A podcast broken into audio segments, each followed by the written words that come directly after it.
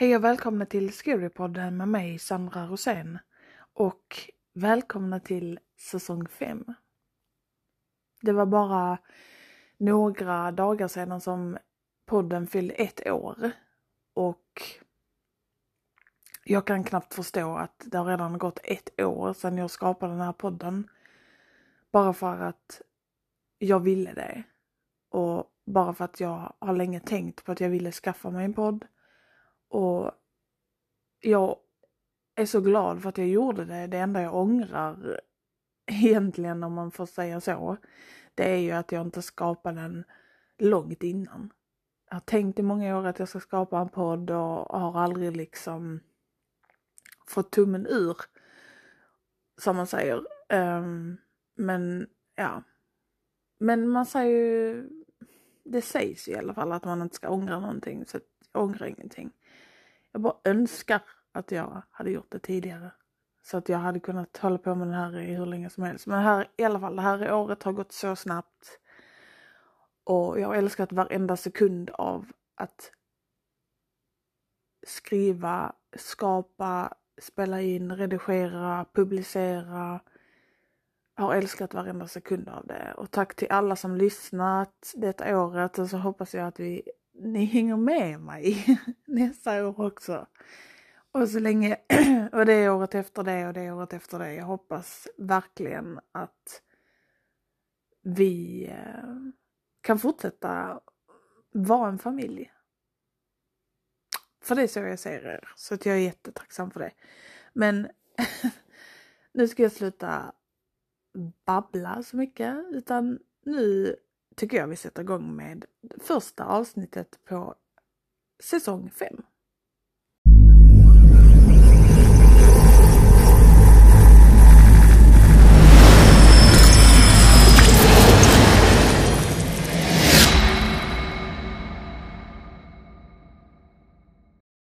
Älskling, middagen är klar, ropade min mamma från köket. Jag tar tag i toaletten och lyfter sakta upp min skakande kropp. Torkar av resterna av kräksjukan från min mun och skjorta och står sedan över handfatet och snyftar. Jag har precis gått igenom detta vid lunch och nu måste jag gå igenom samma process igen. När jag tar mig ner för trappan tar jag tag i räcket för att förhindra att mina ben bucklas under mig. Jag sätter på mig samma mask som jag alltid projicerar när jag är runt min familj och sjunker ner i min stol vid middagsbordet. Min lillebror Kenneth och min pappa sitter på vardera kortsida av bordet. Pappa stirrar tomt framåt och Kenny borrar in ansiktet i sin iPad som vanligt. Jag pillar med halmunderlägget och väntar på att mamma ska göra oss sällskap. Hon lägger ner ett fat med ostliknande potatismos, gröna bönor, frallor och en stor skål full av perfekt kryddat mört tillagat kött. Samma kött som vi äter varenda dag. Oavsett vad så äter vi detta möra kött i burritos, i soppa, i chili, i sallader och stek. Samma kött är det som används.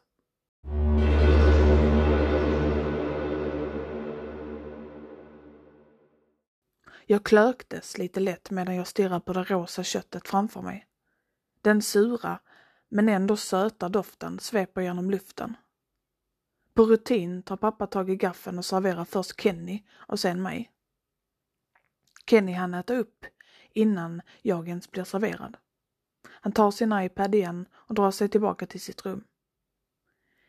Mina föräldrar himlar med ögonen, frustrerad över att Kenny alltid lämnar bordet innan alla andra har hunnit äta upp. Innerst inne vet jag att när Kenny kommer in i sitt rum så spyr han upp måltiden och följer upp med att trycka ansiktet fullt med chokladkakor och chips som han har gömt under sin säng. Även om både Kenny och jag utför samma akter skulle mina föräldrar aldrig veta eftersom att vårt utseende har tagit helt motsatta tillvägagångssätt. Kenny har gått upp nästan 13 kilo sedan vi började med denna nya måltidsstil för ett år sedan. Och jag har gått ner 39 kilo, även om jag redan ansågs vara underviktig. Med en kropp som bara består av skinn och ben äcklas jag av den person jag har blivit. Varje ven i min kropp syns. Min blottade ryggrad gör det nästan omöjligt för mig att ligga bekvämt. Jag är inget annat än ett påhitt av den person jag brukade vara.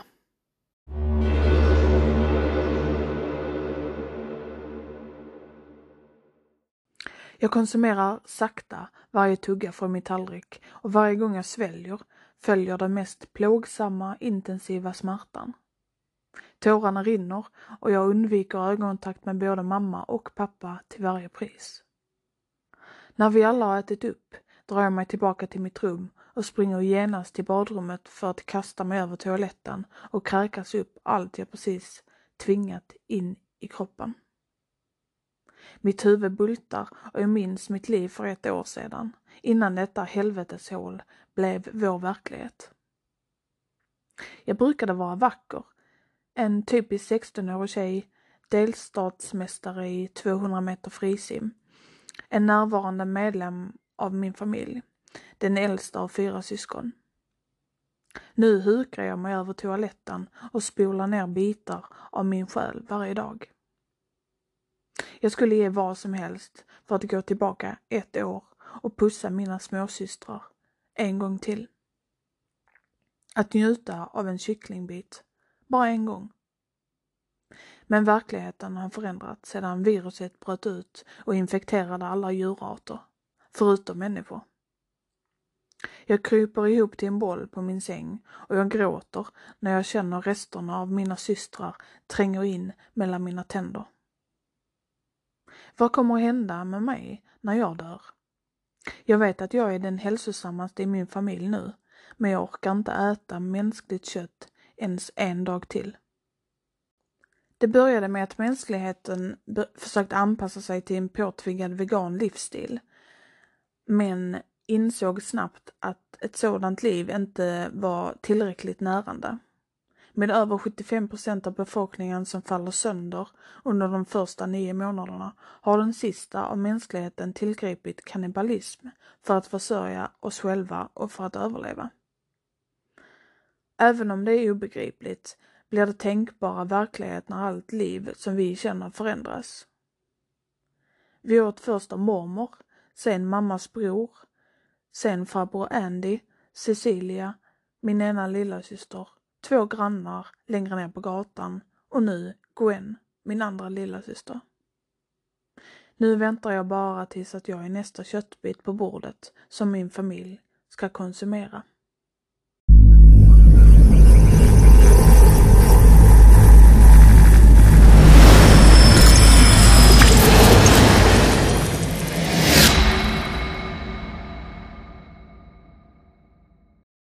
Jag gick ut college för ungefär två år sedan. Jag tog examen med en kandidatexamen med inriktning maskinteknik.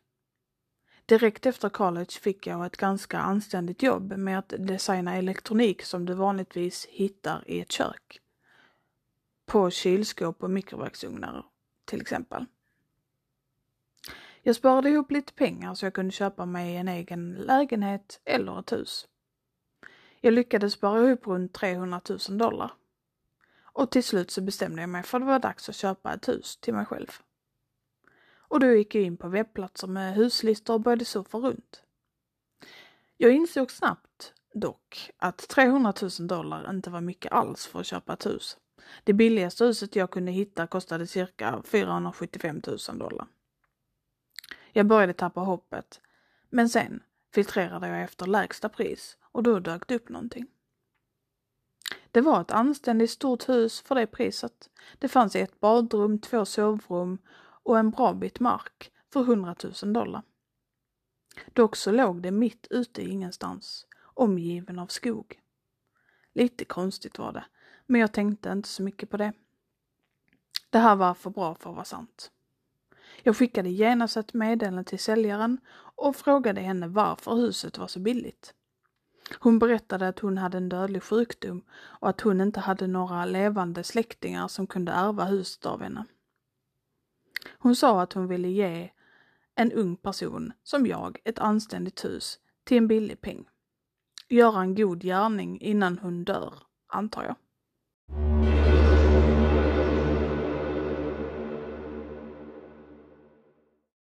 Jag var helt såld. Jag menar, kom igen, vem skulle inte ta del av ett sånt en gång i livet deal? Jag berättade för henne att jag var intresserad av att köpa huset och jag fick köpa det för cirka 90 000 dollar. Hon sa att hon inte kunde ta så mycket betalt på grund av husets problem. Och jag bad henne att förklara vad hon menar med det, men hon ignorerade helt min begäran. Så jag sa att jag kunde träffa henne redan nästa vecka. När jag kom till huset blev jag chockad. Det var vackert. Det var fina rosa och blå blommor på gården. Det var snyggt klippta häckar efter gångvägen till ytterdörren och gården var ren. Det var fantastiskt. Kvinnan visade mig runt i huset. Hon hade redan rensat ut alla sina möbler. Och när hon visade runt mig på andra våningen märkte jag att vi hoppade över en dörr. Jag frågade henne vad som fanns där inne och hon svarade Äh, det är ingenting du behöver oroa dig för. Jag trodde att hon skämtade så jag skrattade till.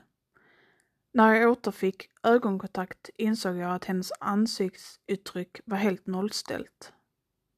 Jag slutade skratta och vi avslutade rundturen.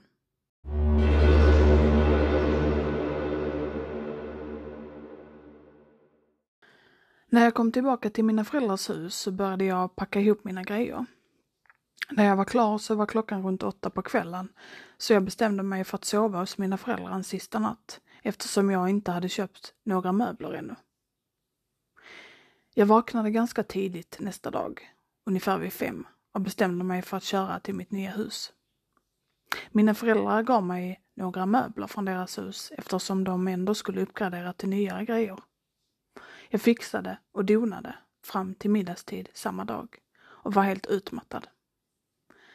Så jag bestämde mig för att ta en tupplur i mitt nya sovrum. Jag ställde min väckarklocka på 30 minuter och somnade. Sakta öppnade jag mina ögon och kikade på min telefon och såg då att klockan var 23. Jaha, nu skulle jag förmodligen vara vaken hela natten. Jag reste mig upp och bestämde mig för att ta en snabb dusch och sen för att åka till affären för att köpa en TV så jag kunde koppla upp min bärbara dator till den. När jag var på väg tillbaka och närmade mitt hus så upptäckte jag något konstigt. Gatubelysningen lyste upp framsidan av mitt hus och i det orangeaktiga sken så kunde jag se i princip allt. När jag körde in på min uppfart svär jag på att jag såg något springa förbi i det stora fönstret som kikar in i vardagsrummet. Jag flämtade till och mitt hjärta började rusa. Jag ville verkligen köra iväg igen, där och då. Men jag svalde min rädsla och gick ut ur bilen. Utan att slita min blick från fönstret.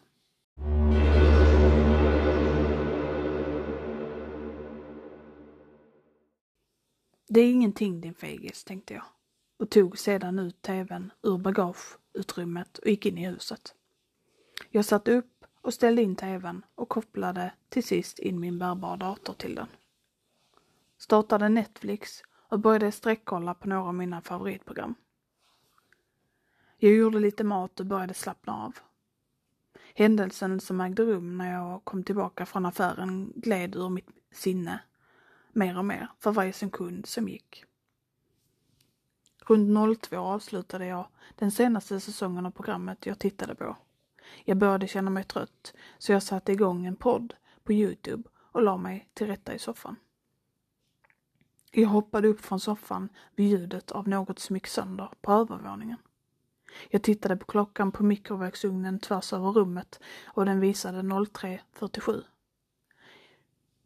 Jag hade packat en ryggsäck full med mina viktigaste saker när jag flyttade in. En av dessa saker var en present som jag fick av min pappa. En Glock 19.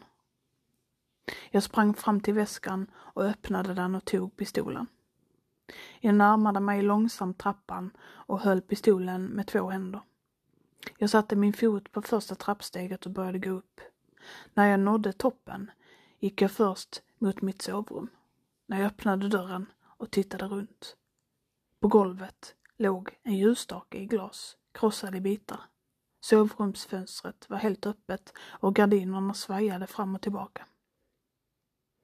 Jag stängde sovrumsdörren bakom mig och låste den. Sen tände jag lampan och började kliva över glaset i riktning mot fönstret.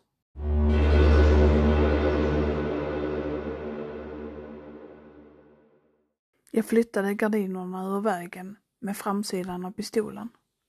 Till min lättnad fanns det ingenting där ute. Jag stängde fönstret och la pistolen på min byrå. Jag gick ner igen och tog min telefon tillsammans med en kvast och en skiffel. Sopade upp glaset och kastade det. Jag gick in i mitt rum igen och låste dörren. Jag tog pistolen och gick och la mig i min säng. Tog upp min telefon och började spela ett spel med min högra hand. Min vänstra var på avtryckaren under täcket. Jag vaknade runt nio på morgonen därpå.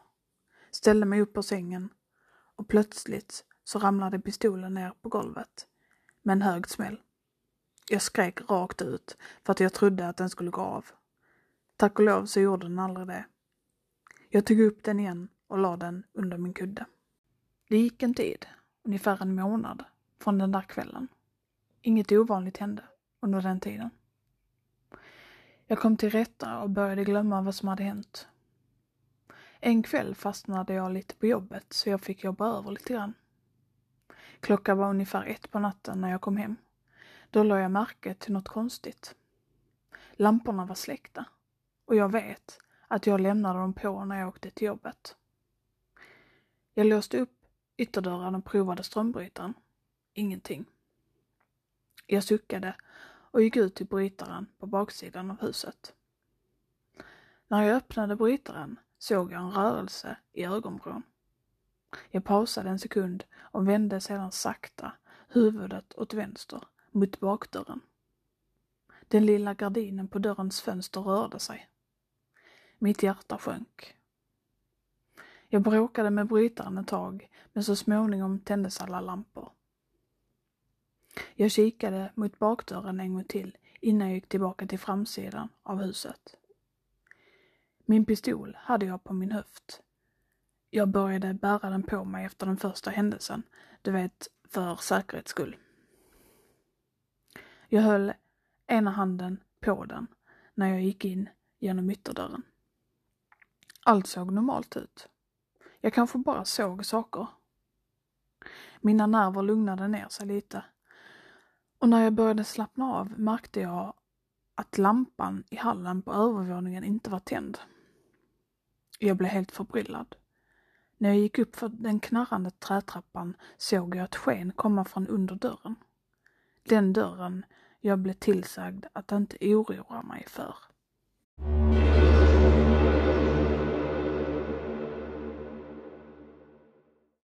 Jag sträckte mig sakta mot handtaget med vänster hand. Dörrhandtaget i metall var iskallt. Jag började sakta vrida på det. Jag kände ett litet klick och jag tryckte på dörren. Inuti fanns ett badrum. Den hade dessa konstiga ljusblåaktiga gröna plattor på väggen. Det såg ut att komma direkt från 50-talet. Jag klev in i rummet. Det luktade blekmedel där inne, som om någon nyligen rengjort det. Det fanns ett handfat, ett ljusblått badkar, en ljusblå toalett och en spegel på väggen. Det var dock något fel med det här rummet. Spegeln såg smutsig och gammal ut jämfört med vad det kliniska, rena rummet var. Jag gick fram till spegeln och tittade ner. Började sakta föra upp mitt huvud. Där stirrade min reflektion tillbaka på mig. Jag är inte säker på vad jag förväntade mig, för att vara ärlig, men något stämde inte. Det verkade som om min reflektion nästan var försenad. Om jag rörde min arm så skulle min reflektion göra det 300 millisekunder efter. Det här skrämde mig. Jag trodde att mina ögon spelade mig ett spratt. Jag började sakta sträcka mig efter min pistol. Jag skulle dra den väldigt snabbt och se vad som hände med min reflektion. Jag drog fram pistolen ur hölstret så fort jag kunde och min reflektion gjorde likadant. När jag stoppade min arm i läget rakt fram så slängde min reflektion av misstag pistolen uppåt dock. Det räckte för mig. Av ren rädsla tömde jag hela magasinet i spegeln med slutna ögon. Öppnade ögonen långsamt och såg då att spegeln reducerades till skärvor. Jag tänkte inte stanna här längre.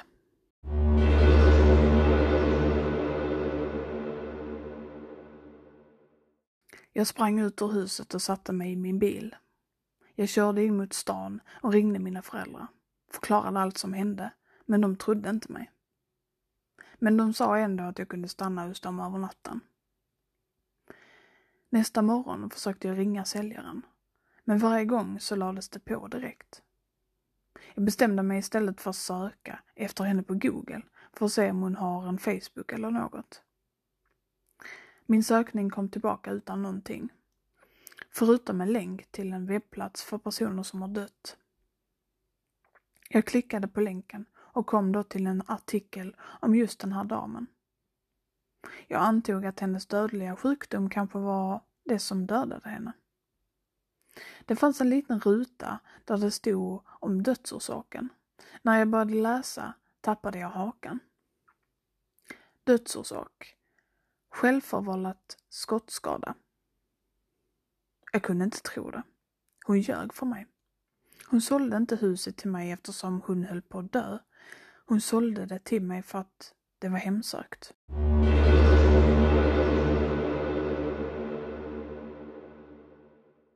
Allt detta hände för cirka fyra år sedan. Jag har sedan dess flyttat långt från den platsen. Jag startade mitt eget teknikföretag med stor framgång. Det gjorde mig ganska rik och jag anlitade faktiskt ett lokalt företag för att driva det huset helt för cirka två år sedan och jag sålde marken. Jag kommer aldrig vara densamma. Jag har en enorm rädsla för speglar nu. Av förklarliga skäl förstås. Jag har en riktigt fin herrgård nu. Brytaren är inne i garaget. Det finns absolut noll speglar i mitt hus. Jag är förlovad och har ett barn. Livet blev definitivt bättre. Men ibland kommer jag på mig själv att titta in i speglar av misstag. I butiker eller i andras hus. Ibland svär jag på att det är en försening i min reflektion igen. Men jag ser nog bara saker. Fast jag sa samma sak när jag såg skuggan i fönstret, som ni vet. Jag hoppas bara att det aldrig händer igen.